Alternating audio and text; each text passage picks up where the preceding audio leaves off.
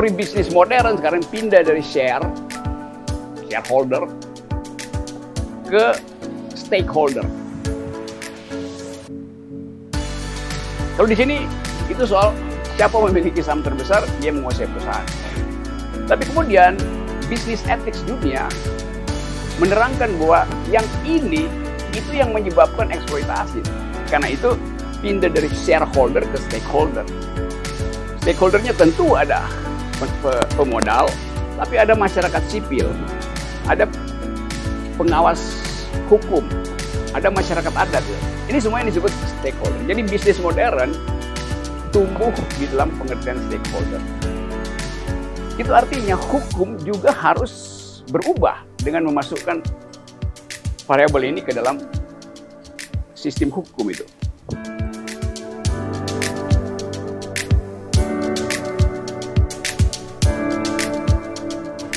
Assalamualaikum warahmatullahi wabarakatuh.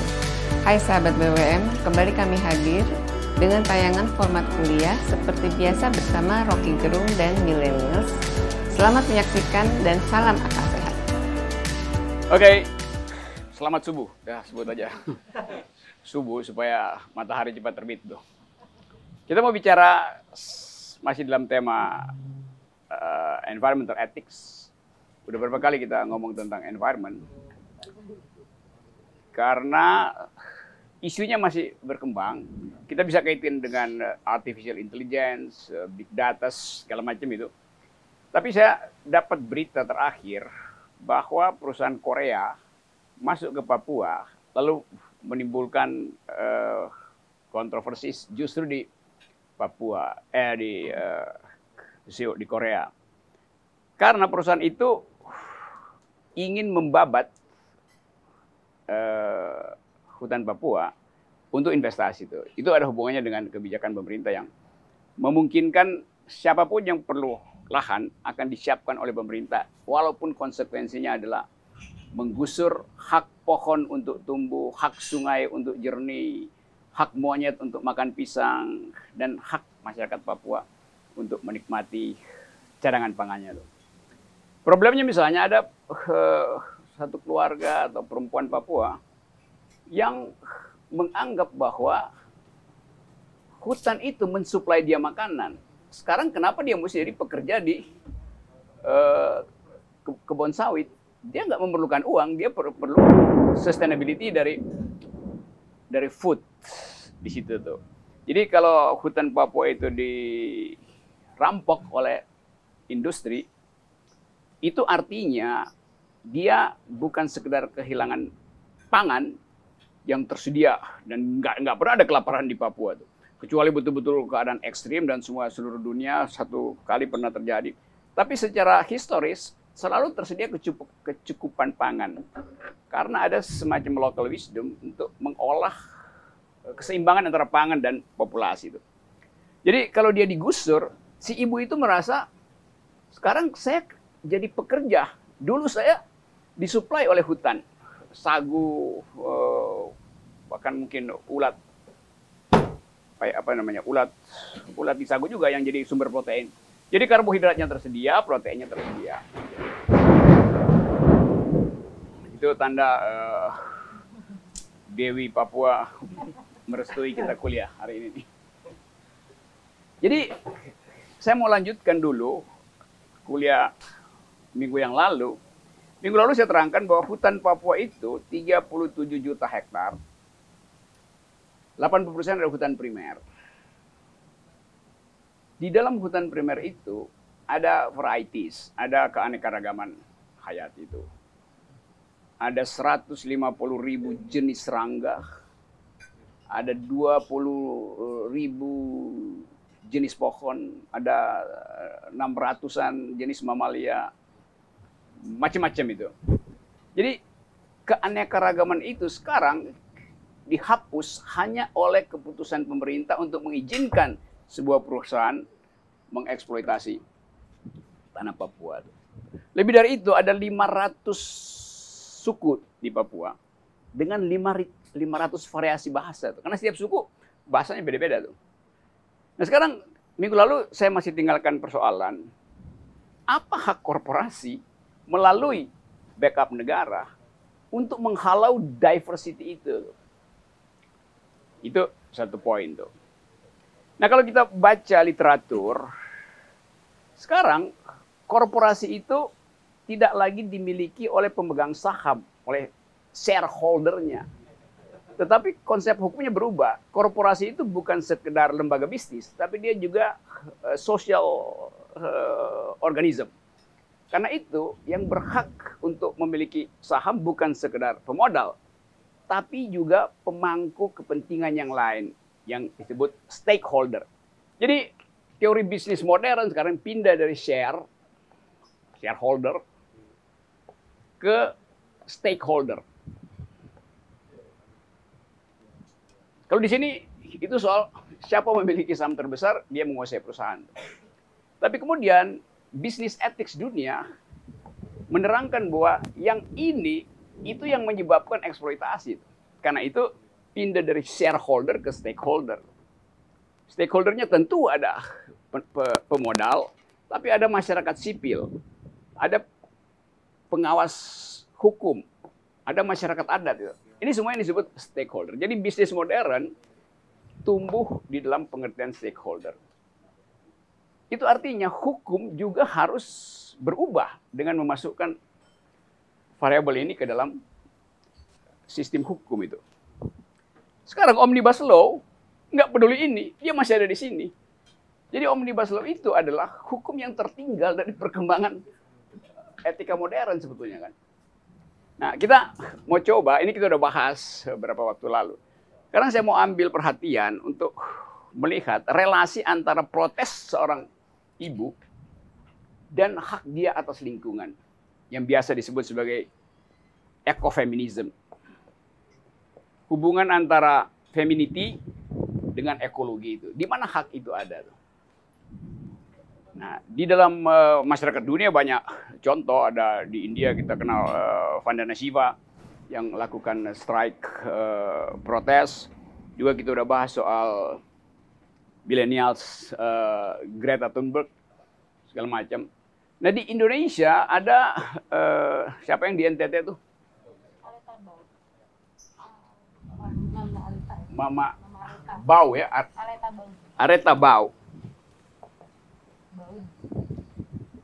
yang berupaya untuk mempertahankan wilayah konservasi hutan di situ yang diserobot oleh perusahaan apa itu? Nikel apa apa pada waktu itu tuh? Atau perusahaan, perusahaan uh, bauksit ya. Nah protes dari Mama Are, Aleta. Aleta ini menghasilkan mungkin 10-15 tahun lalu peristiwa itu menghasis, menghasilkan dalil baru di dalam uh, komunitas hukum bahwa protes perempuan itu betul-betul mewakili kepentingan dari lingkungan. Nah, kita mau baca kenapa perempuan kalau bikin protes itu langsung bekerja bersamaan dengan hak dia terhadap lingkungan. Pada waktu Mama Aleta bikin protes, mereka tukar uh, posisi dengan suami-suaminya tuh. Suaminya yang memasak, nah perempuan-perempuan yang protes. Bikin semacam uh, waktu itu apa yang dia buat ya? Dia bawa kain uh, tenun itu dan dia mereka menenun di lokasi eksploitasi tambang tuh. Jadi dia tunjukkan bahwa hak untuk menenun itu tidak bisa dihalangi oleh uh, namanya tuh tentakel tentakel mesin-mesin uh, penggali tambang itu. Jadi ini satu problem yang biasa disebut sebagai pendekatan ekofeminisme. Pelan-pelan ya kita cari akal supaya dapat keterangan itu. Relasi antara perempuan dan bumi kita dapat di dalam istilah Mother Earth atau Gaia, ibu bumi.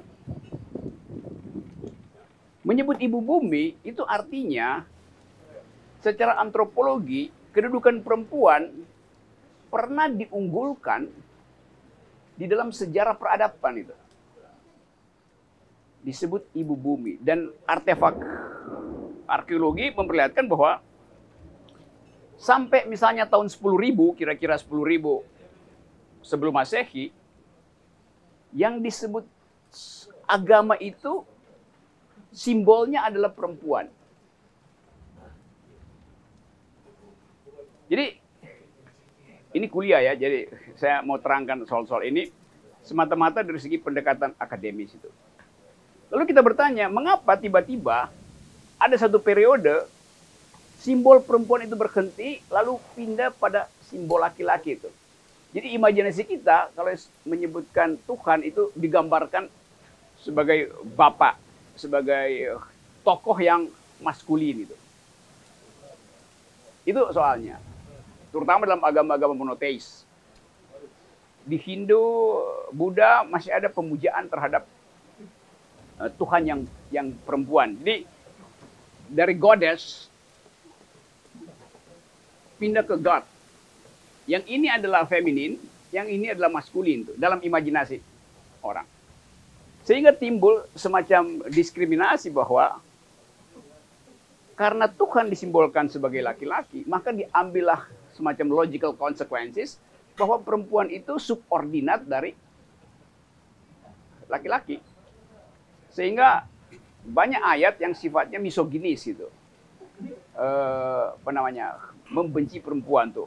Ayat-ayat misoginis. Jin artinya perempuan, mi artinya ya membenci itu. Jadi ayat-ayat yang membenci perempuan itu. Nah ayat-ayat ini yang kemudian mengeksploitasi tubuh perempuan sekedar sebagai objek.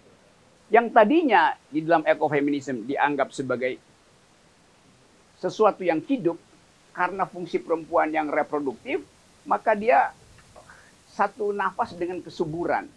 Karena itu fungsi perempuan sama seperti fungsi alam yaitu merawat generasi bahkan mereproduksi generasi. Nah, pada tahap tertentu pengertian itu hilang. Karena agama kemudian datang dengan semacam interpretasi bahwa perempuan itu derajatnya di bawah laki-laki. Tentu ada ada banyak keterangan bahwa ya itu interpretasi yang uh, agak berbahaya, tapi secara umum dianggap begitu. Sehingga tubuh perempuan harus dikendalikan karena dia berbahaya terhadap uh, peradaban patriarki. Ada istilah fam fatal.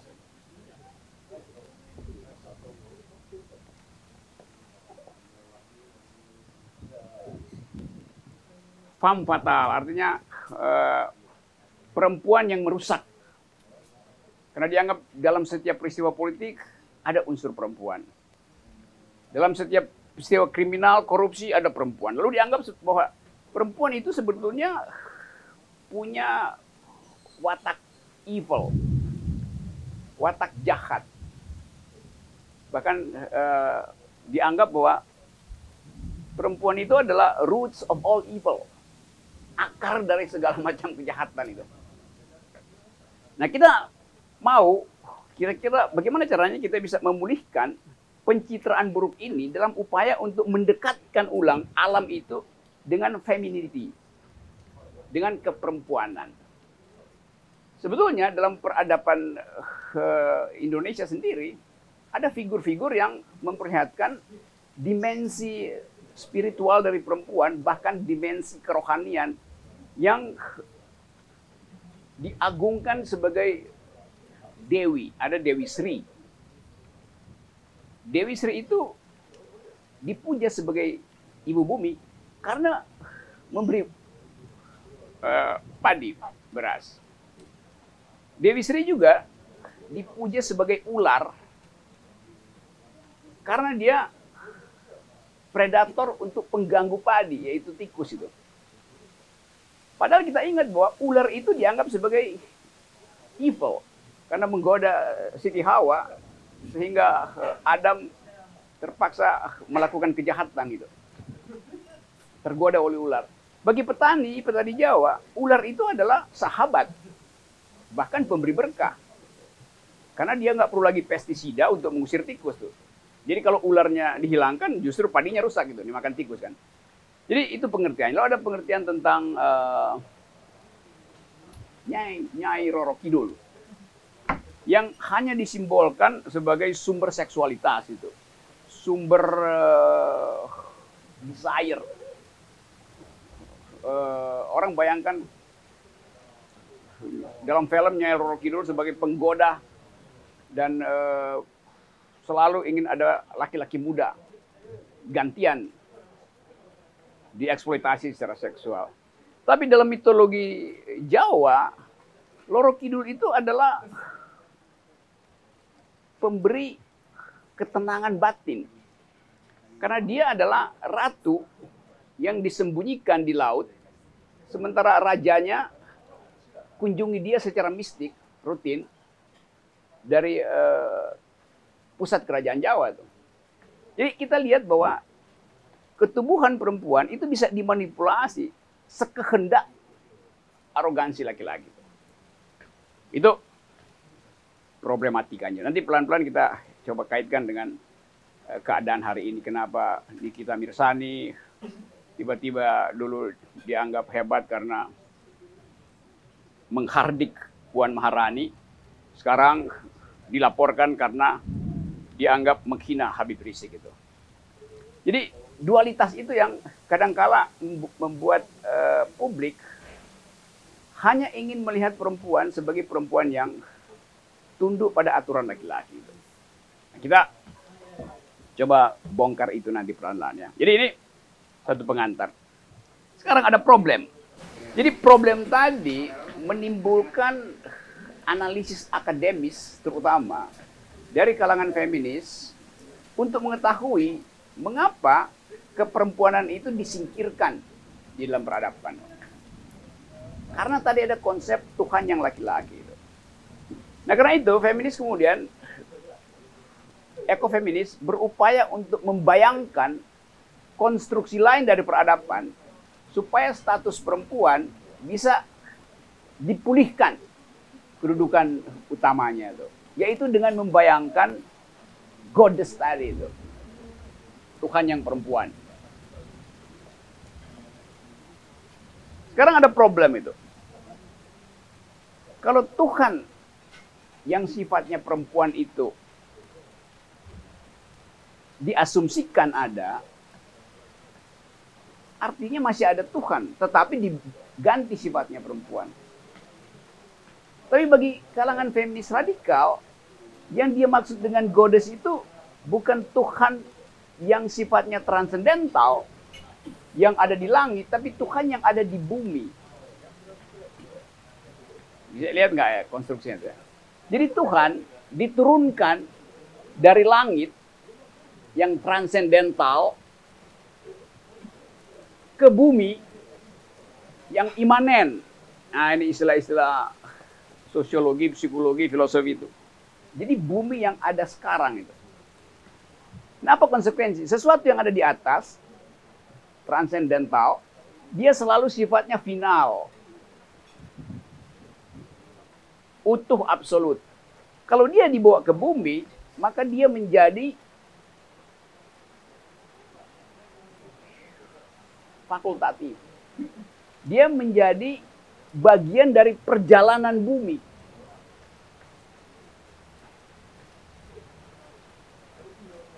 Itu konsekuensinya. Artinya, Tuhan yang dibuat imanen di dalam imajinasi feminis adalah Tuhan yang belum selesai, masih bekerja itu. Jadi Tuhan masih mencipta sama seperti bumi yang belum selesai, masih bertumbuh. Itu paralelnya. Dapat logikanya? Jadi feminisme mengambil konsekuensi bahwa yang mereka pandang sebagai Tuhan itu identik dengan bumi yang masih bertumbuh. Tuhan bersama-sama dengan bumi bertumbuh. Memberi kehidupan. Jadi bukan Tuhan dalam pengertian imajinasi yang diproyeksikan ke atas, tapi Tuhan yang hendak dihasilkan dalam upaya untuk memparalelkan pengertian Tuhan itu dengan bumi yang menghasilkan, yang masih memproduksi. Oke, dapat poinnya sampai situ ya. Sekarang seluruh fasilitas berpikir kita tentang tubuh perempuan isinya adalah satu, itu kemampuan untuk reproduksi. Laki-laki nggak punya kemampuan reproduksi. Kemampuan untuk caring.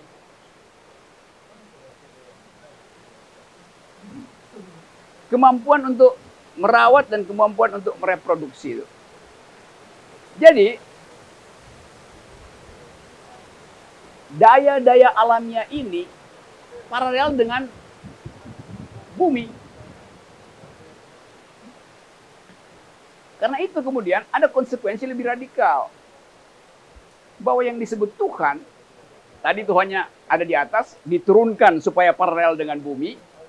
Sekarang bagi feminis, Tuhan itu ada di dalam tubuh perempuan. Aspek ketuhanan itu ada dalam tubuh perempuan. Karena Tuhan merawat, Tuhan memberi nafkah, Tuhan melindungi, begitu juga status perempuan melindungi. Jadi kita lihat bahwa ini satu satu lompatan argumentasi yang betul-betul logis sekaligus radikal. Tentu akan dituduh macam-macam ini artinya uh, menghalangi laki-laki untuk kembali disembah itu. Nah, apa konsekuensinya waktu keperempuanan itu mengoptimalkan argumentasinya sebagai berciri Tuhan itu. Konsepsi pertama adalah dianggap itu bidah. Dianggap itu adalah kemaksiatan. Dianggap itu adalah melanggar prinsip-prinsip monoteisme itu. Kalau itu cuma anggapan nggak ada soal. Tetapi dalam sejarah, anggapan itu menyebabkan dari abad kira-kira abad 15 sampai abad 17 selama 200 tahun ada kurang lebih satu juta perempuan yang dibunuh karena dianggap mempraktekkan ritus Tuhan yang perempuan. Yang kita sebut sebagai perburuan nenek sihir di Eropa itu. Jadi laki-laki merasa bahwa kalau perempuan ada di dalam rumah, diam, apalagi kalau dia single, itu artinya dia sedang memuja Tuhan yang perempuan. Yang oleh gereja Katolik pada waktu itu dianggap sebagai perbuatan menyembah iblis. Karena dianggap perempuan selalu fam fatal, menggoda perbuatan jahat karena eh, sistem teologi pada waktu itu. Jadi konsekuensi dari cara berpikir ini di abad ya abad 15, abad pertengahan, 200 tahun di Eropa, itu menghasilkan perburuan perempuan. Langsung dituduh Anda nenek sihir, Anda perempuan jahat. Dan langsung dibunuh, dibakar hidup-hidup bahkan. Jadi kita lihat perjuangan ekofeminisme itu dimulai dari soal kemampuan untuk memikirkan kembali struktur masyarakat. Jadi ekofeminisme berakar pada upaya untuk mempersoalkan mengapa tidak ada kesetaraan sehingga uh, feminisme mencoba untuk memutar logika patriarki untuk menimbulkan rearrangement dari hubungan-hubungan sosial. Itu soalnya. Dan ini berhubungan dengan mereka yang belajar ilmu hukum selalu begitu kuliah pertama ilmu hukum diajarkan tentang subjek hukum atau person in law. Istilah person in law baru sekarang dinyatakan kesetaraan subjek hukum antara laki-laki dan perempuan. Sampai tahun 30 perempuan tidak punya hak pilih di Eropa itu. Karena dianggap dia bukan person in law itu dia sama seperti barang harus dinyatakan sebagai milik dari seorang laki-laki baru dia ditempelkan hak.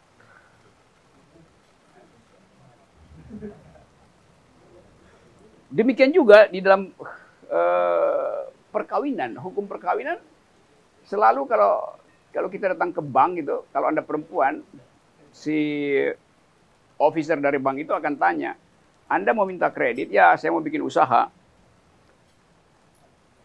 Surat nikah Anda mana? Suami Anda penghasilannya apa? Karena ada back mind, ada pikiran pada bank, kalau perempuan dikasih kredit, bisa nggak balik. Karena itu harus ada jaminan suaminya usahanya apa tuh, sebagai uh, kolateralnya, garantinya tuh. Karena selalu dianggap bahwa perempuan nggak bisa berbisnis tuh. Padahal hukum kita sudah hilang aturan itu tuh. Jadi perspektif laki-laki patriarki itu masih menguasai teori ilmu hukum. Si banker itu nggak mau kasih uh, apa namanya akad kredit. Padahal si perempuan itu minta kredit berusaha karena laki-lakinya suaminya nganggur. Kan itu logiknya kan. Tapi di dalam uh, sejarah kemudian dibuktikan bahwa kredit pada perempuan itu lebih bisa dipercaya karena perempuan ingin agar supaya kredit itu menghasilkan manfaat bagi keluarganya tuh. Nah itu yang dibuktikan oleh uh, Muhammad Yunus di dalam kasus Garmin Bank di Bangladesh. Waktu dia kasih kredit, ternyata kredit yang tumbuh itu justru kalau diberikan pada perempuan. Kalau diberikan pada laki-laki itu separohnya dipakai uh, kawin lagi, separohnya dipakai main judi, habis itu kan. Jadi perempuan sekarang punya bukti bahwa caring itu, aspek merawat itu akan tumbuh lebih bagus kalau fasilitas politik diberikan pada perempuan. Ini satu soal tuh. Nah saya balik lagi tadi pada upaya untuk menghubungkan antara bumi dan keperempuanan tuh. Kalau kita pergi pada keadaan sekarang, per hari ini, pembicaraan semacam ini bahkan tidak ada di kalangan KLH. Tuh. Yang ada ceramah bahwa perempuan kalau mau merawat bumi, tolong jangan bawa sampah dari supermarket, buang sampah pada tempatnya. Kenapa? Karena perempuan doyan belanja. Jadi dianggap perempuan itulah yang selalu menghasilkan sampah itu. Entah bekas tempat bekas uh, selongsong lipstick, uh, pembalut perempuan itu dianggap sebagai sampah yang lebih banyak diproduksi oleh perempuan. Jadi perempuan diminta untuk menjaga lingkungan bukan sebagai manusia politis tapi sebagai manusia domestik. Jadi seolah-olah kita anggap iya betul dunia bumi ini akan dirawat lebih baik kalau perempuan buang sampah pada tempatnya itu atau mengurangi konsumsi itu. Jadi kedudukan perempuan tetap dianggap sebagai objek yang sama dengan pengotor bumi. Tidak dianggap bahwa yang merusak lingkungan itu adalah hasil rapat korporasi yang memutuskan bahwa lipstick itu harus dibuat menarik sehingga perempuan membeli itu. Itu rapat korporasi yang patriarki. Jadi kapitalisme mengeksploitasi produk dengan akibat perempuan dianggap sebagai pencemar lingkungan. Padahal itu adalah keputusan korporasi yang uh, kapitalistik. Gitu. Kalau misalnya kemasannya itu tidak menarik secara eye catching, maka produk itu dinyatakan tidak bisa dipasarkan. Padahal untuk bikin di eye catching, pewarna buatan harus dibikin. Seperti kita coret-coret di sini. Kalau pakai pewarna alam, jadi mahal karena prosesnya tidak bisa diciptakan massal. Jadi saya mau terangkan di awal ini tentang masalah utama mengapa pengkaitan ulang antara bumi dan perempuan juga melibatkan kepentingan korporasi yang memperdagangkan komoditas untuk mengeksploitasi wilayah konsumsi dari perempuan. Itu soalnya. Nah ini yang berakibat dengan anggapan bahwa bumi ini bisa dirawat kalau perempuan mengurangi konsumsinya.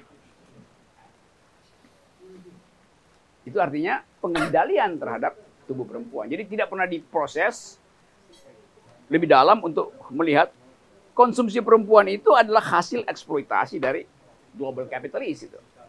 Itu soalnya. Oke, saya berhenti di situ dulu. Ada coba kenalin dulu supaya teman-teman netizen eh, tahu siapa yang ikut kuliah hari ini.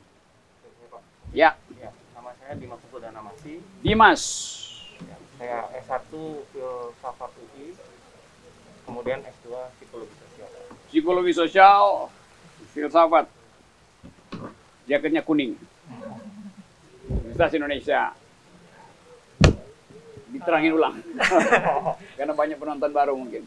Eh, saya Prabu, uh, komunikasi UI 99, uh, S2 juga komunikasi, terus postgraduate juga komunikasi manajemen komunikasi internasional. Oke, jadi dari dari UI ke Belanda, dari UI ke Belanda terus balik ke Bogor. Oke, Islandia dulu, New Zealand baru. New Zealand, Depok, New Zealand, eh, Den Haag, Den Haag. No. Oke kamu, Saya Salwa Luna dari Fakultas- Luna, Fakultas Hukum Universitas Nasional 2015. Unas, hukum. Oke, udah lulus kan? Sudah Pak, sudah. Kamu? Saya Melki Gultom, eh, Fakultas Hukum di Universitas Sumatera Utara Medan, S2 di Unsri. Dia nggak mau ninggalin tanah airnya. Maunya di Sumatera aja sekolahnya. Eh, silakan kayak kalau mau uh, buka masker boleh nggak nggak apa-apa ya. Oke. Itu pengantar saya coba kita diskusikan siapa yang punya problem. Saya jadi devil's advocate itu. Yang main dulu, yang yang yang paling jauh bang. Fakultas hukum coba. Ya, fakultas hukum. kita mau kita mau tahu sejauh mana concern terhadap lingkungan ini masuk di dalam kesadaran lawyers kita. Hukum yang hijau misalnya, hukum. Kan ada, ya ada mata kuliah hukum lingkungan, tapi hukum lingkungan eh, begitu dia jadi corporate lawyer, maka hukum lingkungan itu ditinggalkan. Karena dianggap omnibus law hukum lingkungan itu menghalangi omnibus law itu. Prinsip-prinsip eh, legal standing nggak dianggap oleh omnibus law kan itu sebetulnya harusnya menimbulkan paling tidak kemarahan akademis dari orang yang pernah belajar hukum. Coba mulai kita komentar. Master Gultom. Jadi gini bang, eh, saya tertarik terhadap eh, peristiwa yang pohon punya hak untuk hid- jangan ditebang, beserta eh, cicak, serangga dan yang lain-lain itu. Cuman mengapa korporasi atau dunia kapitalistik itu sangat mm, ingin memasuki wilayah itu supaya mengeksploitasi beragam cagar budaya alam yang dilindungi oleh manusia bahkan dunia. Nah, sementara pemerintah di situ tidak pernah ingin memandang eh, dalam segi lingkungan bagaimana cara merawat hal itu hanya memikirkan soal kalkulasi dan komoditas. oke Eh, makanya segala aturan dibuat mulai dari omnibus law eh, hingga izin yang mempermudah bagi lingkungan itu supaya lingkungan itu tetap dia tidak terjaga. Nah, terkadang kami para milenials itu bingung terhadap kinerja pemerintah dengan eh, bagaimana sih maunya atas hubungan korelasi antara lingkungan dan kapitalistik maupun perusahaan komoditas itu. Oke, tadi saya terangkan bahwa konsep legal standing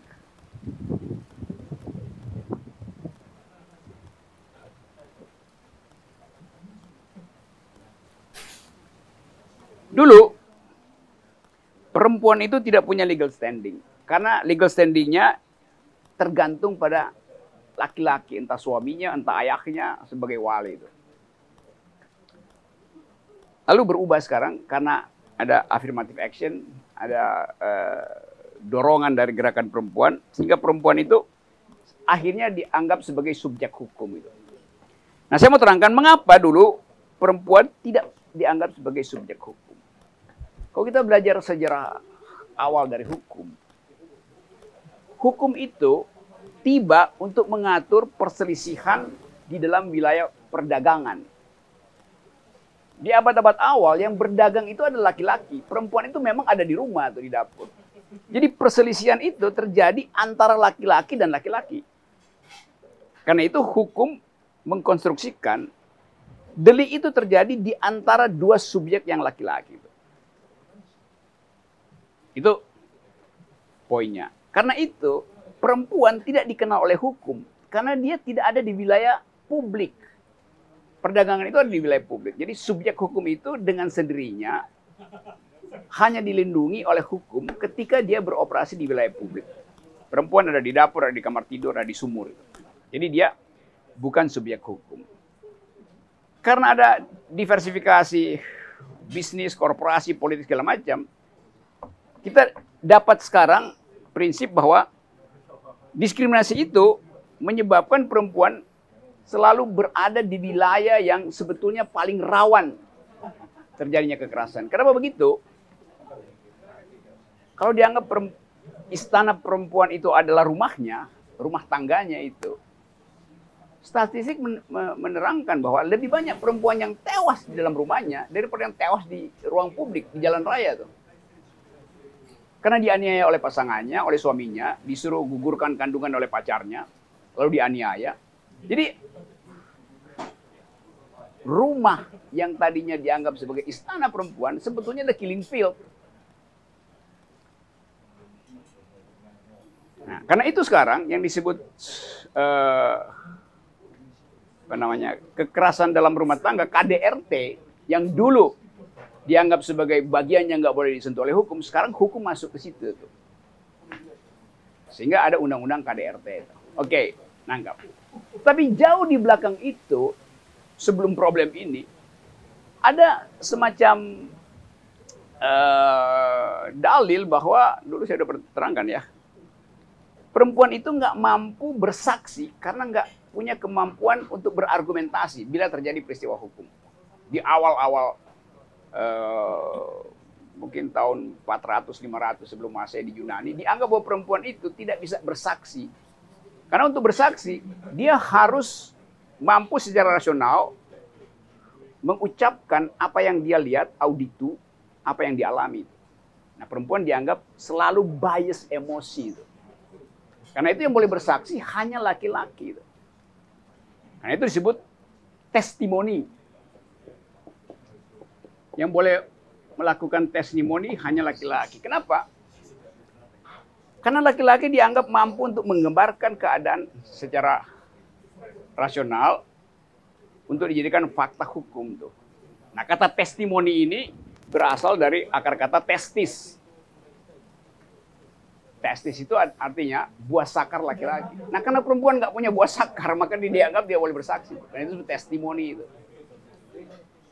Bahkan dalam ilmu hukum disebut uh, apa namanya itu? Satu saksi bukan saksi. Kan itu prinsipnya kan? unus testis, nulus testis. Artinya, untuk disebut buah sakar harus dua. Kalau Anda cuma punya satu buah sakar, itu Anda dianggap budak, di, pernah dikebiri itu. Di budak nggak boleh bersaksi. Itu asal usulnya. Unus testis, nulus testis. Unum testis, nulum, nulus testis. Satu saksi bukan saksi, minimal harus dua. Sebetulnya maksudnya, untuk menjadi saksi harus laki-laki yang sempurna bukti laki-laki sempurna dia punya dua buah sakar. Kalau tinggal satu artinya dia budak, sudah pernah dikebiri oleh tuannya. Jadi perempuan disetarakan dengan budak itu, nggak boleh bersaksi. Karena bahkan budak masih masih punya satu buah sakar, biasanya juga di, di dikebiri habis-habisan tuan. Supaya nggak mengganggu uh, istri atau anak perempuan si laki-laki di zaman dulu. Jadi bias itu terjadi sampai sekarang itu. poin itu. Nah, eh, sampai di mana tadi? Kenapa saya masuk ke sini? Pertanyaan kamu tadi apa ya? Legal standing gitu. Tadi pertanyaan yang memasuki antara uh, mengapa pohon punya Ya. hak untuk jangan ditebang. Jadi saya terangkan tadi, perempuan tadinya bukan subjek hukum, sekarang dia subjek hukum. Oke. Jadi ada evolusi tentang subjek hukum. Pohon dulu bukan subjek hukum. Tetapi aktivis lingkungan berhasil untuk memasukkan pohon sebagai subjek hukum, sebagai legal standing melalui pengampunya itu. Siapa pengampunya? Walhi, Greenpeace, YLBHI, masyarakat adat. Itu legal standing dari pohon.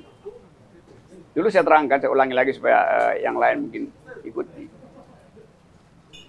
Sampai tahun 60-an itu pohon bukan legal standing di Amerika bahkan.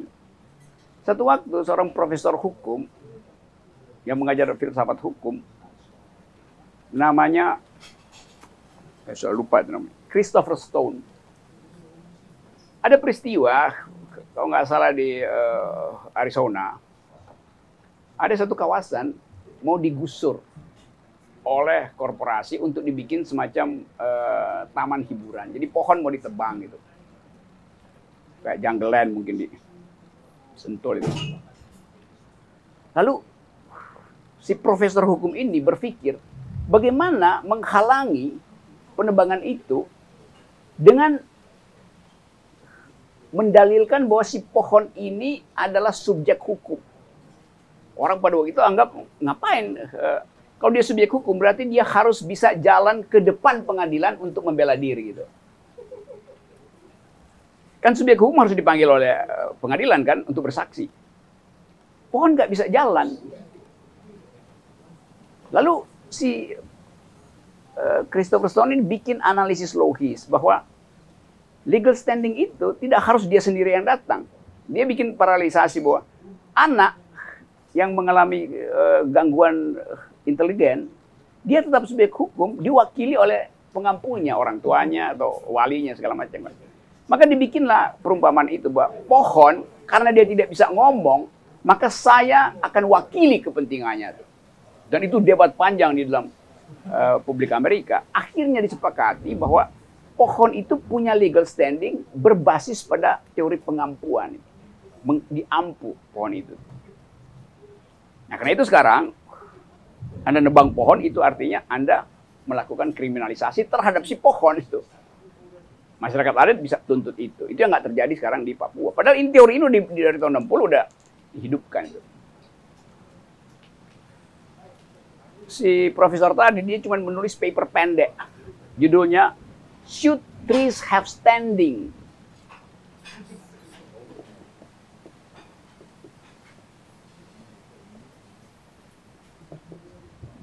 Haruskah pohon punya hak? Nah, itu yang menggugah publik dunia untuk akhirnya menerima konsep legal standing. Jadi kita lihat tadi, dulu perempuan dianggap sebagai properti laki-laki, sekarang dia punya legal standing. Dulu pohon dianggap sebagai benda mati yang nggak mungkin datang ke, ke pengadilan, sekarang dia punya legal standing. Dulu binatang bukan subjek hukum, sekarang kalau anda piara binatang di beberapa negara bagian di Amerika, binatang itu harus anda cantumkan di dalam kartu keluarga anda itu. Harus. Jadi kalau anda cuma bertiga, dua suami istri punya satu anak, tiba-tiba anda lihat kok di kartu keluarga ada tujuh. Itu artinya empat binatang piaraan dia. Mesti dimasukkan dalam kartu keluarga. Karena menjadi subjek hukum. Jadi, eh, person in law, subjek hukum itu evolve. Tumbuh itu. Karena peradaban kita berkembang. Karena itu kemudian ada eh, penghormatan terhadap hak hak saya sebut tadi hak pohon untuk tetap tumbuh, hak mawar untuk tetap berduri, sekaligus wangi, hak batu untuk eh, tetap bulat, nggak dipotong-potong. Jadi etika kita sebetulnya bertumbuh, berkembang itu. Hak angin untuk tidak dihalangi oleh pagar beton. Nah kita lihat bahwa evolusi etika itulah yang menyebabkan evolusi hak. Ethics evolve, so does eh, legal standing, rights itu. Kita di sini pemerintah buta huruf terhadap itu. Fakultas hukum buta huruf terhadap itu. Sehingga pelajaran-pelajaran eh, filosofi hukum itu karena nggak diajarin, maka yang tumbuh adalah positivisasi hukum. Kita nggak lihat ada outcry, ada public outcry. Misalnya mahasiswa fakultas hukum sama dosen-dosennya itu rame-rame turun ke jalan hanya untuk mempertahankan legal standing dari pohon itu. Nggak ada profesor hukum yang memberi ceramah tentang uh, should have, should trees have standing. Nah, jadi itu soalnya. Justru yang maju adalah LSM. Jadi agak aneh misalnya orang ngapain belajar uh, hukum di fakultas hukum belajar aja ke LSM. Mereka lebih lebih tumbuh uh, pikirannya tuh kan. Asfinawati lebih tumbuh, Haris Asar lebih tumbuh tuh. Karena mengakses pengetahuan dunia gitu. Nah dosen-dosen kita itu dosen-dosen konservatif yang uh, pengetahuannya dangkal itu. Yang kalau kita debat nanti dia bilang kan hukumnya bilang begitu. Dia, dia andalkan pengetahuannya berdasarkan apa yang ditulis sebagai black letter of law gitu. Hitam putihnya begitu. Dia nggak berpikir bahwa bahkan korporasi hari ini sudah berubah dari shareholder pergi pada stakeholder. Apa isi dari stakeholder? Ya ethics. Karena stakeholdernya juga pohon itu. Nah karena itu kalau korporasi Indonesia mas, korporasi asing masuk ke Indonesia, mungkin pemerintah Indonesia persilahkan. Tetapi begitu ketahuan di negara asalnya itu dia dibully oleh millennials yang menganggap ini korporasi kok nggak ngerti perkembangan eh, etika publik global gitu kan. Itu yang menerangkan mengapa banyak korporasi membatalkan masuk ke Indonesia karena takut nanti ratingnya turun di sana tuh.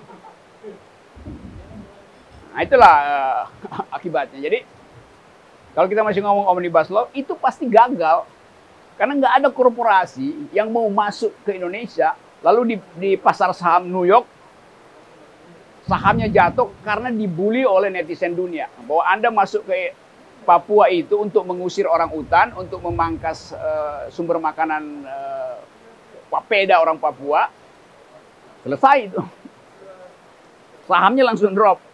Nah, itu yang uh, menerangkan bahwa pelajaran ilmu hukum sekarang kalau tidak dikaitkan dengan perkembangan etika lingkungan itu lawyernya itu tidak bakal diterima di korporasi besar.